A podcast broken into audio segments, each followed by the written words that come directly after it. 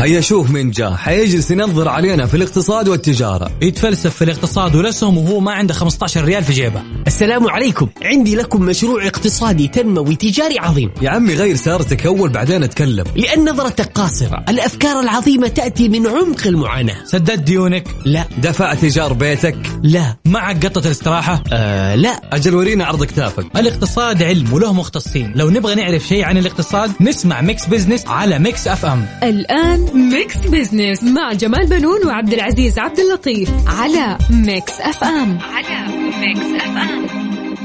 Mix Business مع جمال بنون وعبد العزيز عبد اللطيف على Mix FM. على Mix FM.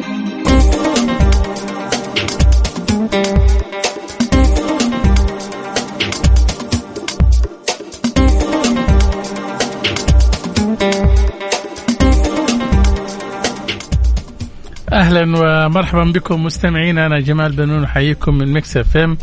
وبرنامج Mix Business رحب بزميلي عبد العزيز عبد اللطيف الذي يشاركنا التقديم. مرحبا عبد العزيز. مرحبا أستاذ جمال ومرحبا بكم مستمعينا في حلقة جديدة من Mix Business هذا البرنامج يأتيكم كل أسبوع في نفس هذا الوقت. طبعا نتناول القضايا الاقتصادية ونبسط رؤية 2030 بحيث تكون أسرع فهما وهضما. صحيح عبد العزيز نبدأ مشوارنا في حلقتنا اليوم. طبعا عبد العزيز أعلنت السعودية عن تأسيس الشركة السعودية القابضة للطاقة النوويه للمساهمة في مزيد الطاقة الوطني للتمكن من المشاركة في المشاريع الاقتصادية النووية محليا ودوليا كمان. أعلن هذا الخبر الأمير عبد الله بن خالد بن سلطان سفير السعودية في النمسا ومندوب السعودية في الوكالة الدولية للطاقة الذرية وقال أن هذه الشركة ستتمكن أيضا من تشغيل وتطوير المرافق النووية لإنتاج الطاقة والمياه المحلاة والتطبيقات الحرارية. وأيضا وضع استراتيجية لتطوير رأس المال البشري في مجال الطاقة الذرية مع تعاونها مع المعاهد الدولية لأبحاث الطاقة الذرية وعملها على إنشاء منصة رقمية وطنية لبناء وجذب بالقدرات البشرية في مجال الطاقة. طبعا أستاذ جمال ونبقى في الرياض حيث تستعد لاستضافة المؤتمر العالمي لريادة الأعمال ويرعى هذا المؤتمر ولي العهد الأمير محمد بن سلمان وتنظم الهيئة العامة للمنشآت الصغيرة والمتوسطة منشآت المؤتمر العالمي لريادة الأعمال في مركز الملك عبد العزيز الدولي للمؤتمرات في الرياض وفندق ريتس كارتون بالتعاون مع الشبكة العالمية لريادة الأعمال وذلك خلال الفترة من 27 إلى 30 مارس الحالي. نعم طبعا المؤتمر المنتدى هذا مهم جدا طبعا م. واختارت شبكة ريادة الأعمال العالمية العاصمة الرياض لاستضافة المؤتمر لتصدر المملكة المرتبة الأولى عالميا في مؤشري توفر الفرص الجيدة لبدء عمل تجاري وسهولة البدء في عمل تجاري كما تصدرت المرتبة الأولى في مؤشري استجابة رواد الأعمال الجائحة واستجابة حكومة المملكة للجائحة. وذلك من بين 45 دولة وفق مؤشرات المرصد العالمي لريادة الأعمال حيث تحرص الشبكة على اختيار المدن التي تشهد نشاطا مكثفا في بيئة ريادة الأعمال. ويشهد المؤتمر الذي ينطلق تحت شعار نعيد نبتكر نجدد حضور رواد أعمال ومستثمرين وخبراء وصناع قرار من 81 دولة لمناقشة التحديات الاقتصادية التي تواجه بيئة ريادة الأعمال العالمي. وتبادل الخبرات واقتناص الفرص الاستثمارية خلال المرحلة المقبلة بالإضافة إلى تعلم الدروس المستفادة من التحديات التي واجهها العالم خلال فترة جائحة كورونا كوفيد 19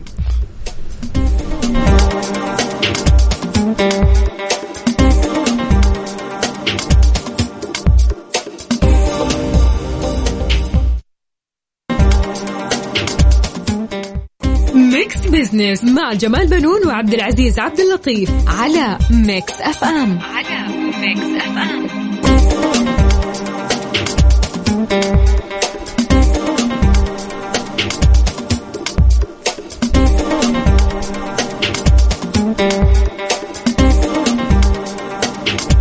أهلا بكم من جديد مستمعينا على أثير إذاعة Mix FM. أنا عبد العزيز عبد اللطيف ومعي الأستاذ جمال بنون. أهلا أستاذ جمال. أهلا وسهلا عبد العزيز وأهلا بالسادة المستمعين اللي انضموا معنا. طبعا حلقتنا اليوم دسمة وخفيفة ونستعرض فيها الفقرات اللي اليوم. عندنا بإذن الله راح تكون الفقرة الأولى كالمعتاد في فقرة على السريع نستعرض أبرز الأحداث والأخبار الاقتصادية مع تعليق على بعض منها. وفي فقرة حسبة ونسبة السؤال المطروح على مواقع التواصل وحساب مكسف إم على تويتر. يقول سؤالنا لها اليوم ما هو معيار المدير الناجح في نظرك؟ هل هي الشهادة العلمية أم الخبرة أم قوة السلطة؟ طبعا ودنا انكم تصوتون اليوم معنا على حساب Mix FM على تويتر ونشوف التصويت في نهاية الساعة. انت عبد العزيز قل لي إيش يعني يعني في رأيك مين من هو يعني يعني إيش معيار المدير الناجح عندك؟ وجهه نظري أشوف إن الخبرة لها دور كبير. لا هي القوة ولا هي بالعكس يمكن القوة تكون عامل سلبي في في مع موظفيه ويكون قدوة كمان صح؟ فعليا. هذه لأنه هو المدير لازم يكون قدوة بس الظاهر يبدو إنه في مدرسة جديدة للمدراء عندنا الآن ظهرت يعني. المستبد والمسيطر والمتحكم بحيث إنه لازم يكون هو صاحب القرار الأول والأخير بدون ما هو مثلا يستشير زملائه في العمل أو في يعني طب هل هذا الشيء أستاذ جمال يعتبر شيء يعني إيجابي يعني؟ لا طبعا مو إيجابي طبعا المدير الناجح دائما يشارك زملائه صحيح. في آه، الآراء. آه، يعني خاصة القرارات اللي هي تحتاج المشاركة ولكن في اتخاذ القرار إذا كان قرار حاسم بالتأكيد هو حينفرد بأخذ القرار هذا طبعا. إذا كان حاسم هو اللي اللي دور له. إي نعم. جميل. طبعا نتحدث عن الأثر الاجتماعي والاقتصادي من إقرار نظام الأحوال الشخصية آه، ويسهم النظام في الحفاظ على الأسرة واستقرارها وتحسين وضع الأسرة والطفل. طبعا نتناقش حول هذا الموضوع مع الدكتوره نوف الغامدي مستشاره تنميه اقتصاديه وإقليمية ضيف اليوم معنا في الاستوديو. كما نستضيف في spotlight الأستاذة مرام آه، حميد الدين المدير التنفيذي في جمعية رعاية الأسر المنتجة منتجة.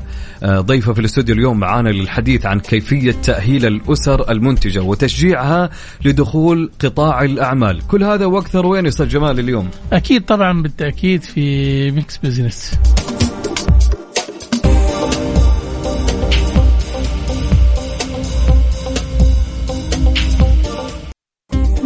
business مع جمال بنون وعبد العزيز عبد اللطيف على Mix FM على ميكس اف ام أهل الثقة. ضمن Mix Business على Mix FM على Mix FM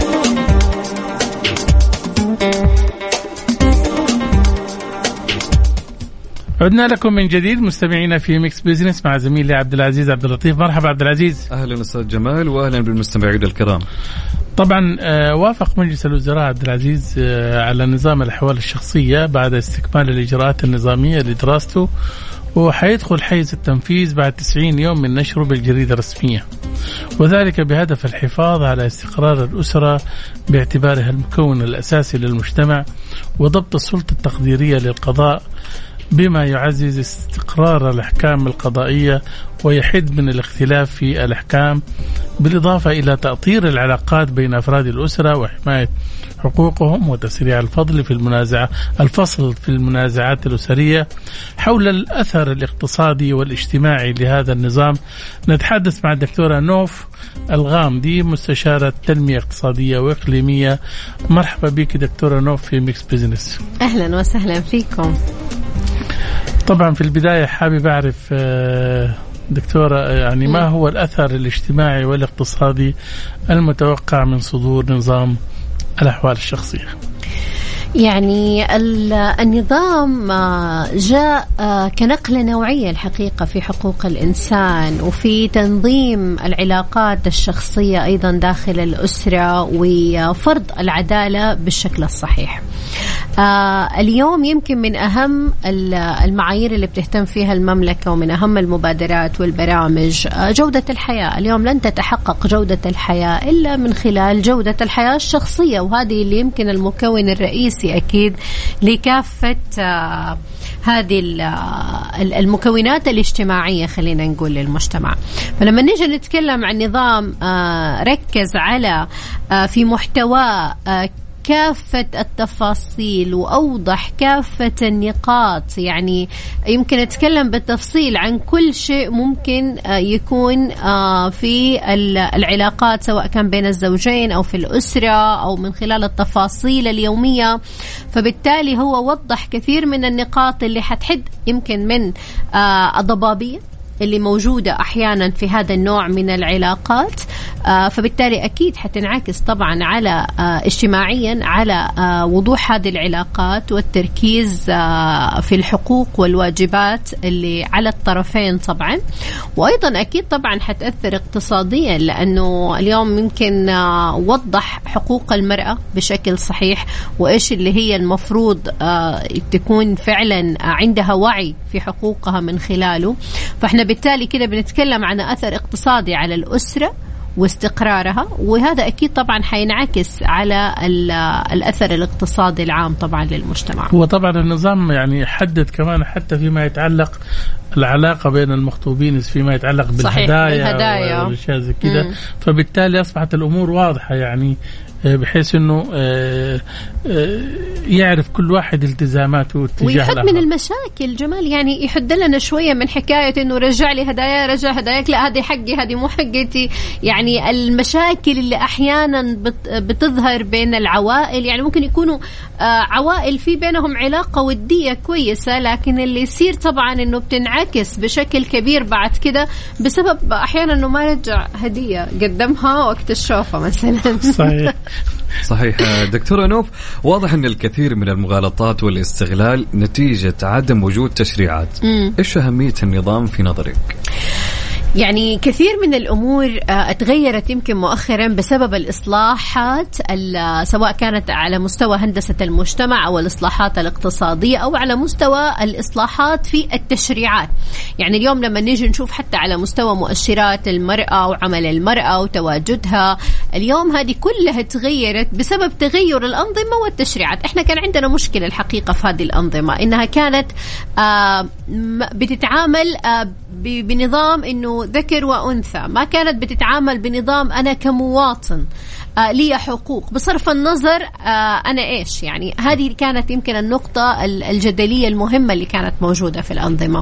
فبالتالي اليوم تغيير هذه الأنظمة والتشريعات والحد من ضبابيتها وضوحها آه تحديد المصالح المشتركة داخلها آه هذه جدا مهمة في إنها بالفعل أكيد طبعا حتغير آه سواء كان من تنافسيتنا حتغير من بيئة الأعمال وحتنعكس عليها على فكرة لأنه دائما الاستقرار في العمل والإنتاجية بيتأثر بالاستقرار الشخصي والأسري. انعكاسه عليها طبعا جدا مهم. فبالتالي آه، حيكون لها أثر كبير حتى على البعد التنافسي للمملكة العربية السعودية.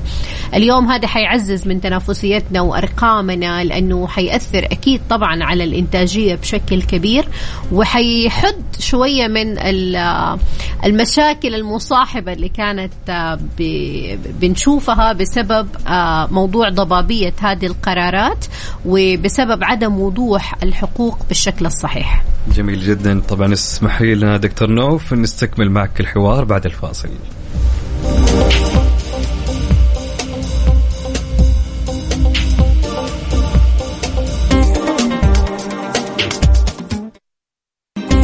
الثقة ضمن Mix Business على Mix FM على Mix FM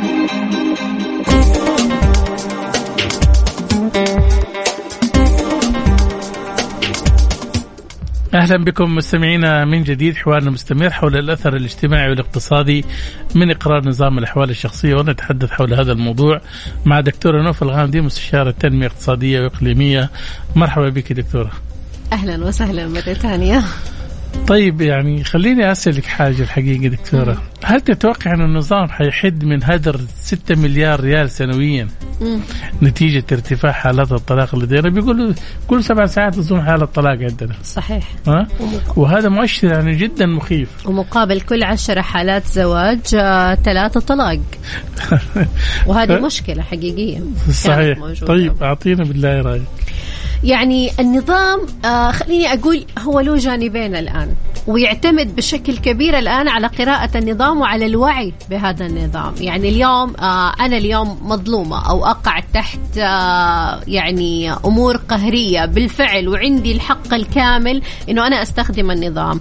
فهذا أكيد طبعا حيكون في مصلحتي آه وبالعكس حيساعدني أن أنا أخذ حقي المشروع اللي أنا ما أقدر أخذه لكن في بعض السيدات مع الأسف كمان حيستغلوه بعدم وعي. وهنا هذه مرة مهمة أنه اليوم أتمنى يكون في حملات توعية آه، بالنظام وكيفية استخدامه والحالات اللي تكون موجودة فيها والتقدير الشخصي كمان في هذه الأمور جدا مهم لأنه ممكن يستغل بشكل كبير. يعني يمكن إحنا دوبنا تحت الهواء كنا بنتكلم عن موضوع ال- ال- اللي بيتزوجوا أحيانا من غير المواطنات. آه أوكي كانت يمكن هي صحيح حتوضح حقوقها بشكل كبير.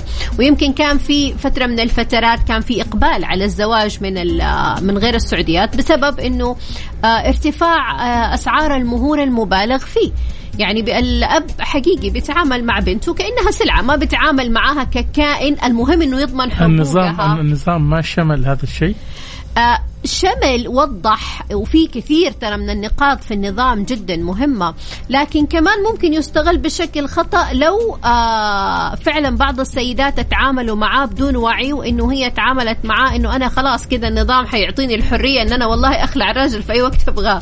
يعني ما حيكون في آه آه كمان ممكن يزود من حالات الطلاق لو استخدم بالشكل الخطأ. فالنظام جميل صراحة. تفاصيله جدا مهمة وحلوة لكن أتمنى التعامل معاه بوعي. إنه آه ما ما نلاقي إنه والله صار سهل الموضوع لبعض العقليات اللي ما عندها الإحساس بالمسؤولية. النظام وضع لإعطاء المرأة حقها وإنها فعلا آه تاخذ حقوقها الشرعية ويحسن من هذه ال- القرارات والتشريعات اللي كانت أحيانا بتهضم كثير من الحقوق خصوصا في موضوع الحضانة موضوع النفقة الزواج القاصرات كل الأمور هذه. لكن كمان في نفس الوقت لازم نتعامل معاه بوعي كبير علشان لا يستغل بالشكل الخطأ فنلاقي إنه بعضهم حيعطي معاهم نتيجة عكسية ويعطي مرحلة إنه آه عدم احترام للعلاقات الزوجية وإنه لا والله أنا هذا حقي وكفلوا لي النظام خلاص يلا شكرا. هو أظن يعني أي نظام جديد يعني حينما يتم اعتماده في يعني في البلد عادة الناس يعني استجابة الناس له في البداية ربما تكون لعدم معرفتها طبعا بتقع في أخطاء يعني ولكن تدريجيا أظن يعني حت يعني حتستقيم الأمور صحيح. أكيد أكيد. أي نظام لازم في البداية حنقيس أثره الاجتماعي. إحنا أي حاجة بن يعني قرارات بتنزل أو مبادرات أو برامج بيكون لها قياس أثر اجتماعي واقتصادي. فبالتالي أكيد حيتم قياس هذا الأثر للنظام وكيف انعكاسه على المجتمع وتعاطي وأتوقع بعد فترة ممكن يصير في مراجعة لهذه الفقرات والبنود في النظام. إذا كانت بالفعل آه، كانت بتعطي نتيجة عكسية فحيتم مراجعتها. عشان كده أنا بقول أتمنى يكون في حملة توعوية مرافقة كمان لأنه الجيل الجديد يمكن ما بيستوعب آه، الآن آه، فكر ال- الحفاظ على الأسرة وهذه مشكلة. يعني أحيانا كمان بعض التنازلات مهمة. إحنا ما بننكر إنه التنازلات اللي بتزيد عن حدها خطأ لكن برضو كمان بعض التنازل مهم. فما نبغى نتعامل مع الموضوع إنه حقي وحقك وبس. جميل. دكتور رف هل تتوقع أن النظام أيضا يحد من هدر أوقات المحاكم وسرعة البت في القضايا الأسرية؟ أكيد طبعا لأنه هذه بتأخذ وقت كبير من آه، وقت ال- المحاكم آه، خصوصا مع ارتفاعها مؤخرا. الشيء الثاني أنه آه، بتحد كمان من التكاليف اللي بتتحملها أحيانا المحاكم. وهدر الوقت سواء كان للقضاء أو المصلحين. يعني الآن في مراحل زي ما إحنا عارفين انه لموضوع الطلاق بيكون في لجنة اصلاح وفي مصلحين وبعد كده تتحول للقاضي وفي لجنة قبلها. فهذا ضياع وقت وأحيانا ترى يعني بتكون مشاكل تافهة. إنه ما في ما في مشكلة ما في قضية في الموضوع. فهذا هدر وقت وهدر مال كمان آه للمحاكم خصوصا في ظل إنه في قضايا أهم بكثير المفروض إنها تاخذ هذا الحيز. نعم. دكتورة طبعا النظام حرص على صون وحماية الأسرة مم. الشيء المهم هو تحديد 18 سنة للزواج بالنسبة للفتيات هل معنى هذا أنه حينتهي حتنتهي المتاجرة بمهر الفتيات الصغيرات؟ أكيد أتمنى لأنه بالفعل إحنا يعني وخصوصا في بعض يعني قبائل معينة مع الأسف البنت أول ما يصير عمرها 12 13 سنة يقول لك خلاص هي كده مؤهلة للزواج والمشكلة إنه ممكن يزوجها الواحد يعني يكون قد جدها في العمر أو يعني لكن كل الحكاية إنه دفع فيها مهر ومبلغ. يستحق إنه هو سلعة يعني. سلعة بالضبط تعامل معها كسلعة. فهذا طبعا أكيد حي حيوقف من هذه الأمور وحيتم محاسبتهم بشكل دقيق بعد كذا. صحيح الحقيقة آه، نظام الأحوال الشخصية حدد آلية العمل في العلاقة الزوجية وربما من أهم مكاسب النظام أن الزواج والأسرة لم تعد عبثا أو ترفيها بل مسؤولية والتزام. انتهى وقتنا دكتورة نوف شكرا لمشاركتك معنا. الله يسعدك يا رب. والأهم أنه إحنا نتعامل بس يمكن آخر نقطة أحب أضيفها أنه لازم يتم التعامل مع الكيان الأسري كأنه شركة قائمة. هي فعلا في لها آه، علاقة آه، علاقات. حيكون فيها واجبات وحقوق والتزامات مهمة. الموضوع بيتعدى موضوع آه، يمكن العلاقات الشخصية اليوم وأنه لازم تكون محددة. والنظام حقيقة كفل هذا الموضوع؟ جميل جدا. لكن آه ما زلت أركز على موضوع التوعية. أتمنى أنه يكون في وعي في التعامل مع النظام وتفاصيله بالاحتياج المطلوب. صحيح. آه مستمعينا كانت معنا دكتورة نوف الغامدي مستشارة تنمية اقتصادية وإقليمية.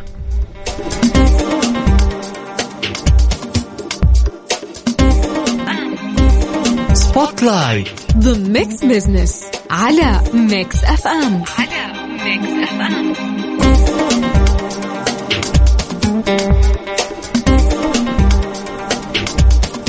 أهلا بكم مستمعينا من جديد في Mix Business أنا عبد العزيز عبد اللطيف ومع الاستاذ جمال بنون. أهلا أستاذ جمال. أهلا وسهلا عبد العزيز واهلا بالساده المستمعين. تعمل الأسر المنتجة بهمة وكفاح لكسب رضا الزبون في تسويق منتجاتها وما تعمله من أنشطة اقتصادية وصناعية من داخل بيوتها. اليوم نتحدث حول كيفية تأهيل هذه الأسر ونتحدث بتوسع مع الأستاذة مرام حميد الدين المدير التنفيذي في جمعية رعاية الأسر المنتجة منتجة ضيفة في الاستوديو معنا. مرحبا بك أستاذة مرام في Mix Business. مرحبا بكم الله يحييكم جميعا. آه، أستاذة مرام في البداية كيف يتم إعداد وتجهيز الأسر المنتجة؟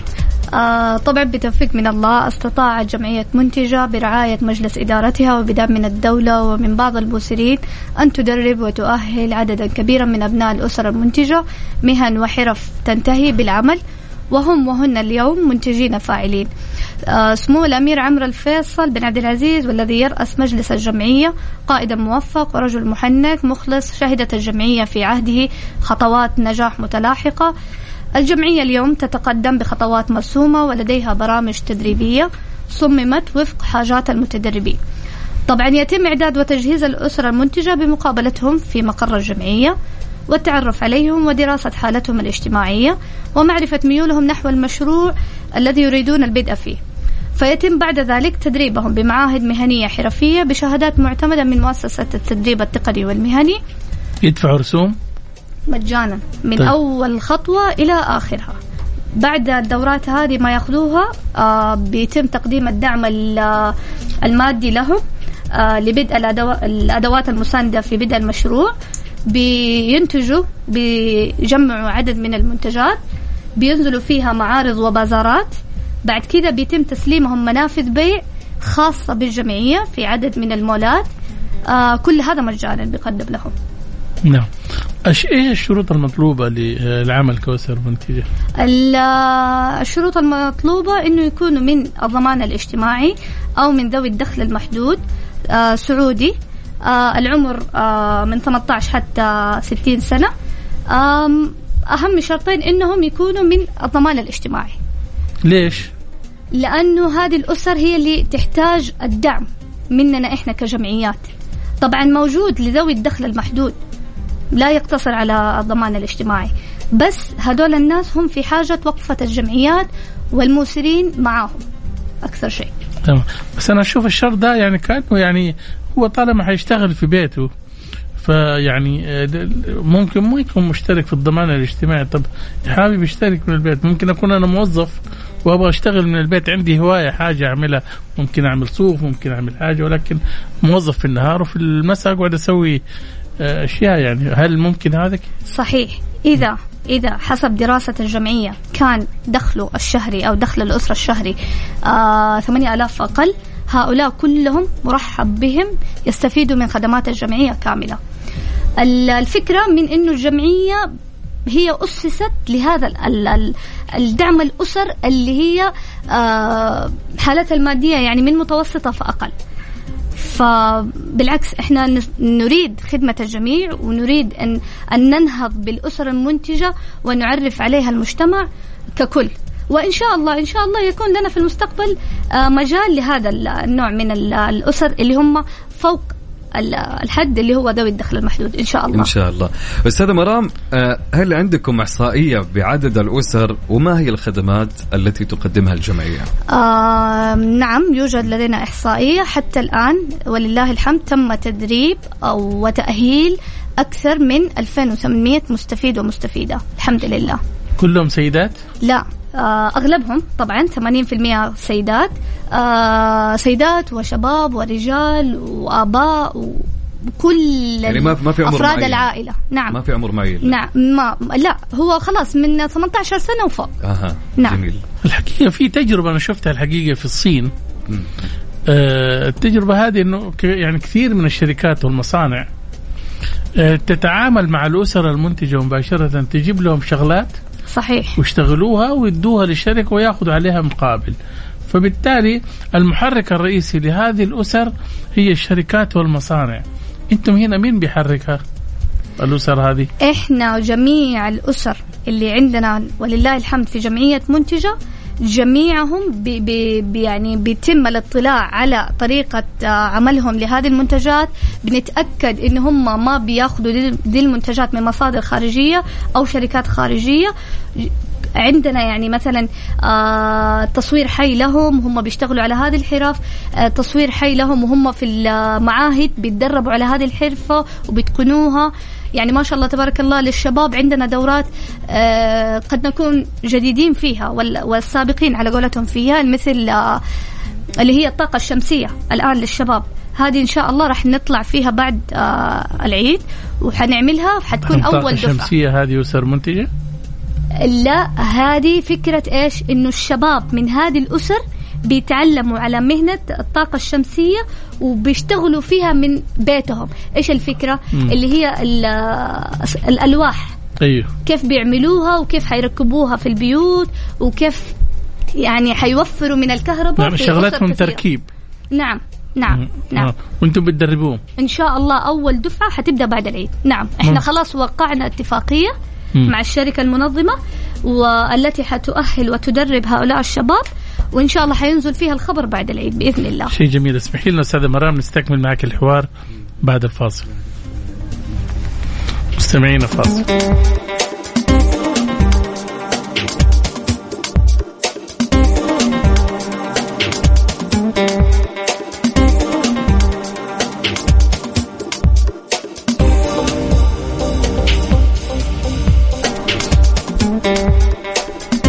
أهلا بكم من جديد مستمعينا حوارنا مستمر مع الأستاذة مرام حميد الدين المدير التنفيذي في جمعية رعاية الأسر المنتجة منتجة حول كيفية تأهيل الأسر المنتجة. آه، أستاذة مرام آه، نحن على مقربة من شهر رمضان كيف استعدت الأسر المنتجة؟ الله يبلغنا وإياكم إن شاء الله شهر رمضان ونحن بصحة وعافية. الأسرة المنتجة بالنسبة لها شهر رمضان هذا يعتبر أهم أهم شهور السنة ليه؟ لأنه جميع الأسر بأنواعها بحرفها يعني بتشتغل في هذا الموسم مثلا عندكم الأسر اللي عندها المأكولات بتقوم بالاستعداد لإعداد الوجبات الرمضانية مثل السمبوسة الحلويات الأكلات الشعبية عندكم الأسر اللي هي بتهتم بالتصميم الخياطة وكذا بتهتم بالإعداد مفارش الطاولات الملابس الرمضانية. أيضا كمان الأسر اللي عندها فن الفنون التشكيلية بتهتم بال بتستعد بعمل اللي هي التحف التحف الرمضانية اللي بتنحط في الزينة في الصالة في البيت زي كذا. فبالعكس جميع الأسر ما شاء الله بتستعد. جميع الأسر بت الآن موسمها في إنها بتتواصل مع الزبائن من خلال مواقع التواصل الاجتماعي من خلال نشر منتجاتها في الواتساب من خلال الجمعيات. في جمعيات يعني مثلا عندها منصة أو متجر إلكتروني فهم بينزلوا هذه المنتجات تبعهم وإن شاء الله إن شاء الله يكون انتهاء شهر رمضان بشيء عائد لهم مرة جميل أستاذ مرام في إقبال للأسر المنتجة نعم بك نعم. بشكل, بشكل كبير ولا؟ نعم بالعكس جميل. يعني ما شاء الله هذه السنتين الأخيرة آه يعني أنا بكلمك عن منطقة مكة المكرمة كان في فعاليات مرة كثيرة لهم آه آخرها كان عندنا معرض في آه مصاحب لحفل آه في نادي الفروسية يوم الخميس هذا الماضي آه شاركت فيه أكثر من 25 أسرة منتجة. والحمد لله. يعني آه عاد عليهم بنفع جيد الحمد لله. مثل هذا البازار نزلنا قبله الأسبوع اللي قبله واللي قبله يعني بأكثر من 30 إلى 40 أسرة. يعني يوم التأسيس آه كان عندنا برضو معرض لهم ل 40 أسرة سعودية. وأيضا ما شاء الله تبارك الله كان في إقبال مرة رائع لهم. فإحنا بنحاول من جهتنا بنعمل لهم كل الخدمات بنحاول نيسرها لهم طوال العام. ما بنختص يعني بشهر معين أو أو بوقت معين. جميل. خليني أسألك أستاذة مرام يعني الحقيقة أنا لاحظت في كثير من البازارات واللي في, في, في الفعاليات اللي بتشارك فيها أسر منتجة آه للأسف الشديد الأسعار آه المنتجات المعروضة آه تكون غالية شوية. صحيح. وأحيانا آه، هذه اللي تنفر المتسوق عن آه، إنه يشتري من نفس الاداه ممكن يأخذها من باب المجاملة والتعاطف فقط ولكن صحيح. من ناحيه إنه هو رغبان في السلعة هذه طبعا لا ليش؟ لأنه لأنه هي بتنتج السواق اللي بيجيبها وبعدين الجمعية اللي بتشرف عليها في عدة جهات بتاخذ منها نسب والمكان اللي بتستأجره كمان تكون بسعر عالي. فبالتالي هنا يعني نصيب الأسرة المنتجة من المبيعات من بعد خصم التكاليف هذا كله بي بيكون شيء بسيط. بالفعل. بس على قولتك أنت الآن أصلا اجبت كما تفضلت اللي هو أغلب الأسر بتحط أسعار عالية. طبعا يرجع لنفس الأسباب اللي أنت قلتها. قد يكون آه، حسبت البنزين وحسبت إيجار الموقع حسبت آه، تكاليف أخرى. هنا إيش دور الجمعية؟ نعم. دور الجمعية إنها بتعطيهم دورات إدارية بطريقة تسويق المنتجات بطريقة تسعير آه هذه المنتجات وبتعطى لهم خلف يعني مباشرة بعد الدورة الحرفية اللي هم بيأخذوها. بتنزل وراهم هذه الدورات الإدارية. هذه الدورات إن شاء الله آه توعيهم أكثر. ويعرفوا بعد كذا طريقة التسعير. وإحنا طول السنة معاهم في كل دورة في كل زيارة في كل اجتماع بنجتمع معاهم. إنه طريقة التسعير لازم تكون بشكل أفضل. فبالعكس كثير أسر الآن صارت ترى تحط أسعار يعني معقولة. الحمد لله. نعم. جميل. آه، أستاذة مرام إيش العوائق والصعوبات اللي تواجه الأسر المنتجة؟ والله شوف إحنا في الفترة الأخيرة آه، أول كان في عوائق وصعوبات كثيرة تمام جميل. آه أرجع وأقول الآن السنتين الأخيرة في في دعم كثير للاسره المنتجة الحمد لله بس ما زال هناك عوائق وصعوبات مثلا اللي هو الدعم المقطوع اللي هو الدعم الكافي اللي بيعطى لهذه الأسرة لبدء مشروعها. هذا ما زال فيه نوعا ما صعوبات لهم إن هم ما بيلقوا جهات أو أو ناس بتعطيهم هذا الدعم وهم يبدأوا ذا المشروع. مو كل الأسر استفادت من هذا من هذه النقطة. النقطة الثانية اللي هو آه ضعف إمكانياتهم بتسويق منتجاتهم. يعني مو في مثلا أنا قلت لك الأعمار مفتوحة فمعناته إحنا لما بنتكلم عن عن سيدة أو أسرة آه، أعمارها فوق ال 40 فوق ال 50 سنة هذه مرة كثير بنواجهها في الجمعية إن هم مو عارفين كيف يسوقوا منتجاتهم في التواصل الاجتماعي. ما هي عارفة تعمل سناب ما هي عارفة آه، تلتحق بموقع معين برابط معين. بيرجعوا لنا مرة كثير في إن إحنا نساعدهم بالتسجيل أصلا. فهذه ما زالت صعوبات. حتى الآن مو الكل قدر يتغلب عليها. أنا بقول من هذا المنبر أنه على المجتمع واجب أن يقف بجانب كل مبدع وكل أسرة ويرى كل مهارة ويوقف يعني ويوقف مع هذه الأسرة المنتجة ويدعمها فإن شاء الله خير بإذن الله. الأسر المنتجة بحاجة إلى دليل ومرشد حتى تصل إليهم الشركات الكبيرة والمصانع وتفتح سوق عمل لكثير من كبار السن والمتقاعدين الماهرين في الحرفة. آه انتهى وقتنا. أستاذة مرام شكرا لمشاركتك معنا اليوم. شكرا لاستضافتكم. يعطيكم ألف عافية. آه مستمعينا كانت معنا الأستاذة مرام حميد الدين المدير التنفيذي في جمعية رعاية الأسر المنتجة. منتجة مكملين معاكم لا تروحوا بعيد. على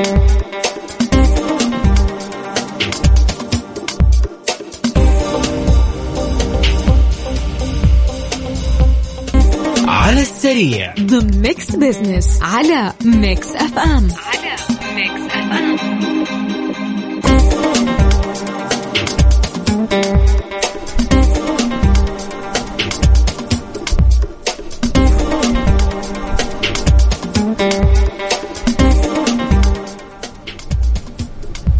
أهلا بكم مستمعين الكرام مرحبا بكم من جديد.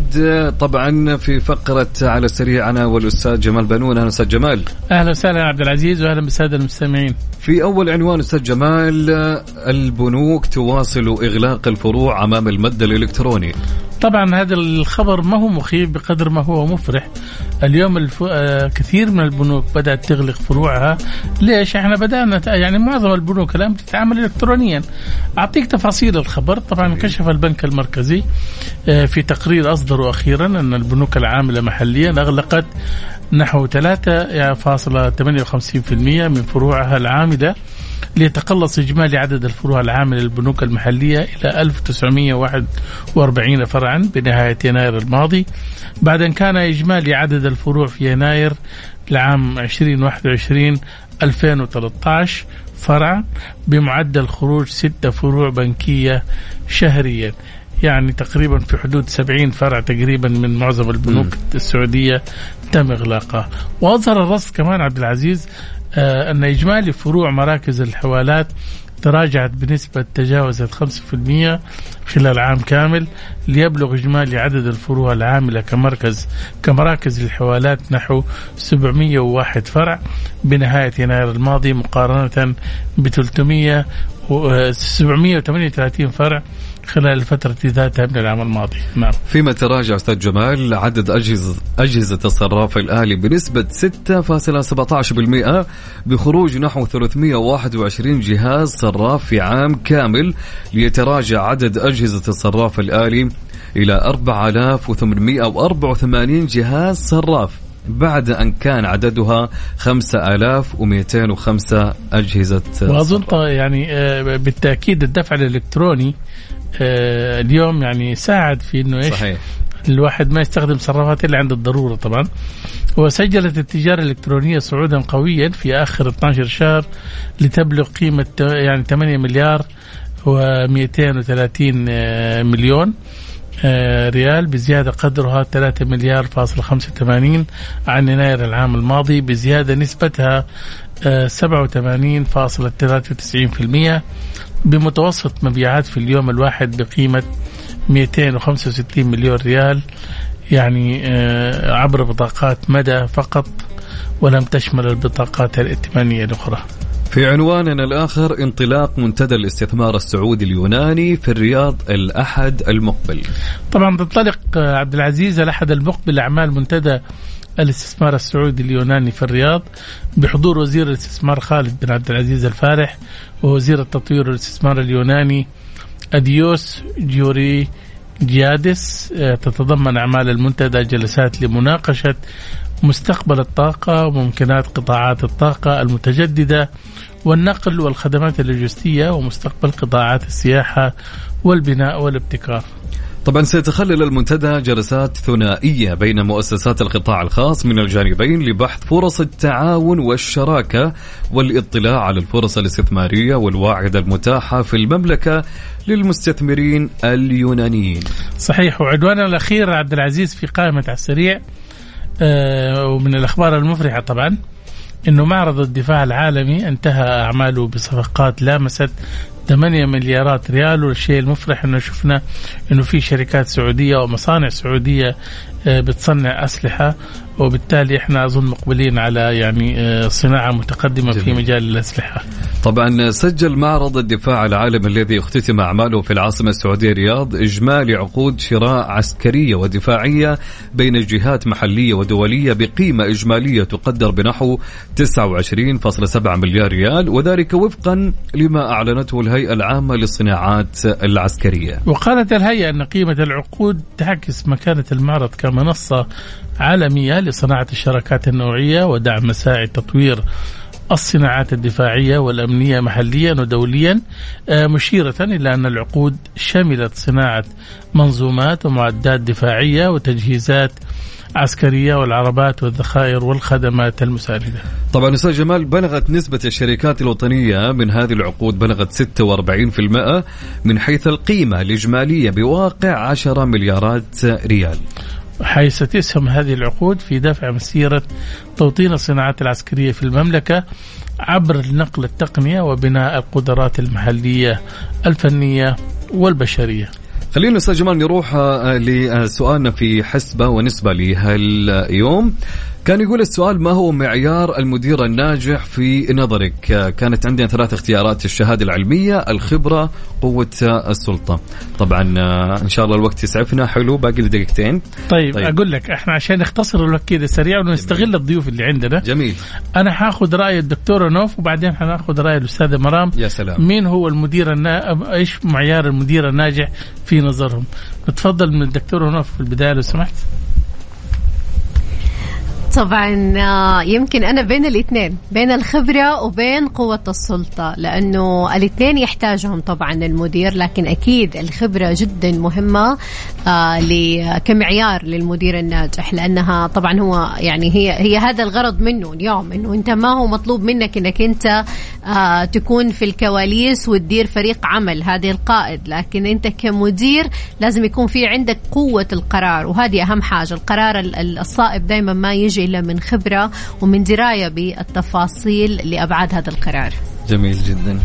استاذه مرام رأيك؟ ما شاء الله أتفق مع الدكتوره نوف في هذا الكلام قوة السلطة لا شك إنها مهمة لدى القائد أو لدى المدير الناجح ولا مانع من إنه يوفق بينهم لكن الأعلى تكون قوة السلطة نعم وأظن كمان يعني لازم تكون عنده صفات يعني عشان هو يعني يحصل على لقب المدير الناجح يعني زي التدريب الجيد والسرعة في إنجاز المهام آه، التواصل الجيد مع الموظفين بحيث إنه يكون يعني دائما ما يكون دائما مقفل مكتبه وقاعد لحاله. شايف دعم الموظفين ومناقشة. عامل مهم دعم الموظفين هذا اللي كنت اتكلم عنه أنا. اي فعلا. صحيح. والقدرة على اتخاذ القرارات طبعا زي ما قلنا من البداية آه، أيضا العلاقات الناجحة مع الموظفين وتمتع المدير بالحكمة كمان. ما يكون يعني يقترح اقتراحات تودي الشركة في مصيبة ومثلا يجيب العيد. طبعا التصويت بشكل سريع حصل على نسبة 91% الخبرة. الخبرة طبعا. الخبرة. قوة السلطة حصلت على نسبة 9% والشهادة العلمية ما في حد صوت. قوة السلطة كم؟ 9% 9% معناته ما عاد صارت الناس تهتم بالقوة بقدر ما.